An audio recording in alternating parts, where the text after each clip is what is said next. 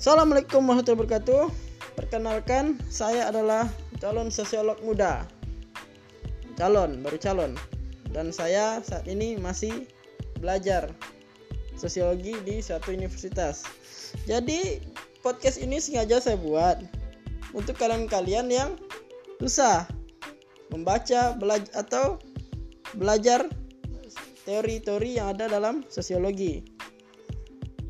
Selain itu, saya buat podcast ini juga agar melatih diri saya bagaimana menjelaskan uh, teori sosiologi itu secara sederhana dan gampang untuk dipahami. Jadi kalian-kalian yang susah atau yang ingin memahaminya secara sederhana, nah, dengarlah podcast saya.